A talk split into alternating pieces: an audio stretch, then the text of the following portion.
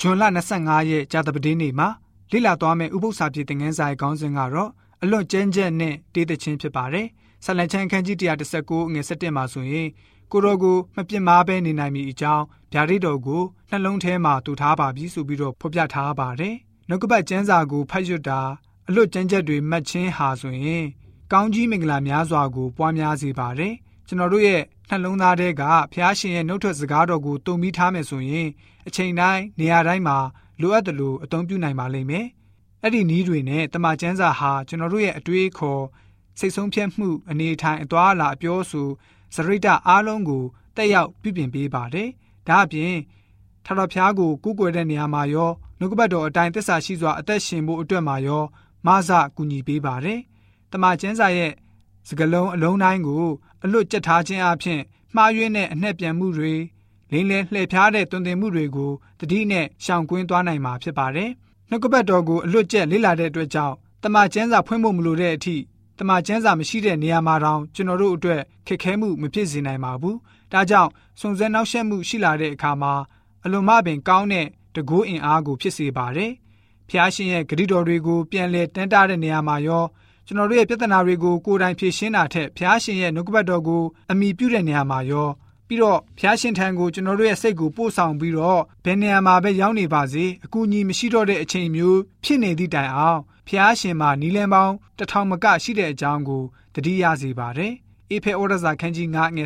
19ကောလသဲဩရဇာခန်းကြီး3ငွေ16ကိုဖတ်ပါမယ်။ ကြမ်းချက်တွေကိုတချင်းလှုပ်ဆူခြင်းအပြင်ဖျားရှင်နှုတ်ကပတ်တော်ဟာကျွန်တော်တို့ရဲ့စိတ်နှလုံးထဲမှာဘလောက်ထိခွန်အားဖြစ်စေတယ်လဲဆိုတာကိုကြည့်ကြပါစို့။စာလံတချင်းမှစသောဓမ္မတချင်းအမျိုးမျိုးတို့ကိုအချင်းချင်းပြောဆိုဖတ်ရ၍နုညွန့်သောစိတ်နှလုံးနှင့်ဖျားသခင်ရှိတော်၌ကျူးအေး၍တချင်းဆိုကြလော့ခရစ်တော်၏နှုတ်ကပတ်တရားသည်ပညာအမျိုးမျိုးနှင့်သင်တို့အထဲ၌ကြွယ်ဝစွာတည်နေ၍သင်တို့သည်စာလံတခြင်းမှစသောဓမ္မတခြင်းအမျိုးမျိုးအားဖြင့် အချင်းချင်းတို့ကိုဆုံးမတွင်တင်ခြင်းတတိပေးခြင်းကိုပြု၍နူးညွတ်သောစိတ်နှလုံးနှင့်ဖျားသခင်ရှေ့တော်၌တင့်တယ်လျောက်ပတ်စွာတခြင်းဆိုကြလော့ဆိုပြီးတော့ဖော်ပြထားပါတယ်။တမန်ကျမ်းချက်တွေကိုတခြင်းလို့ဆိုခြင်းအပြင်နှုတ်ကပတ်တော်ရဲ့ရေးထားသမျှတွေကိုအလွတ်ကျက်ရွတ်ဆိုစေနိုင်တဲ့ခွန်အားကိုဖြစ်စေပါတယ်။တခြင်းပြုလုပ်တည်ဆိုခြင်းဟာကျမ်းစာစာသားတွေကိုမှတ်မိဖို့ပို့ပြီးတော့လွယ်ကူစေပါတယ်။နှုတ်ကပတ်တော်ကစလုံးတွေကိုညင်ညောင်းတဲ့တန်စင်တေးလေးတွေနဲ့တွဲဖက်ဆက်ဆူလိုက်တဲ့အခါမှာ ကျွန်တော်တို့ရဲ့စိတ်ထဲ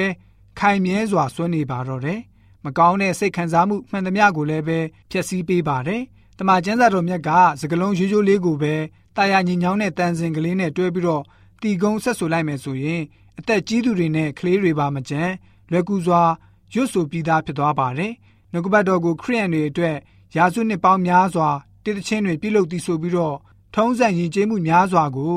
ဩဇာ လွှမ်းမိုးစေတာမကဘူးကဘာပေါ်မှာရှိတဲ့ကြော်ကြားတဲ့စကားပြောကျွမ်းကျင်တဲ့သူတွေရှေလျားတဲ့တခြင်းအဖြစ်ဆက်ဆိုပြီးတော့ရှေးခေတ်တူရိယာဝိုင်းတွေမှာတိခတ်ဖြေပြကြပါတယ်အဲ့ဒီဆက်ဆိုမှုတွေဟာလူတိုင်းရဲ့စိတ်နဲ့အတွေးတွေကိုဖျားရှင်ထံကိုပို့ဆောင်စေနိုင်တယ်လို့ကျွန်တော်တို့ရဲ့အသက်တာမှာအပြုသဘောဆောင်တဲ့အံ့ဘွယ်ကောင်းကြီးမင်္ဂလာတွေကိုရရှိစေပါတယ်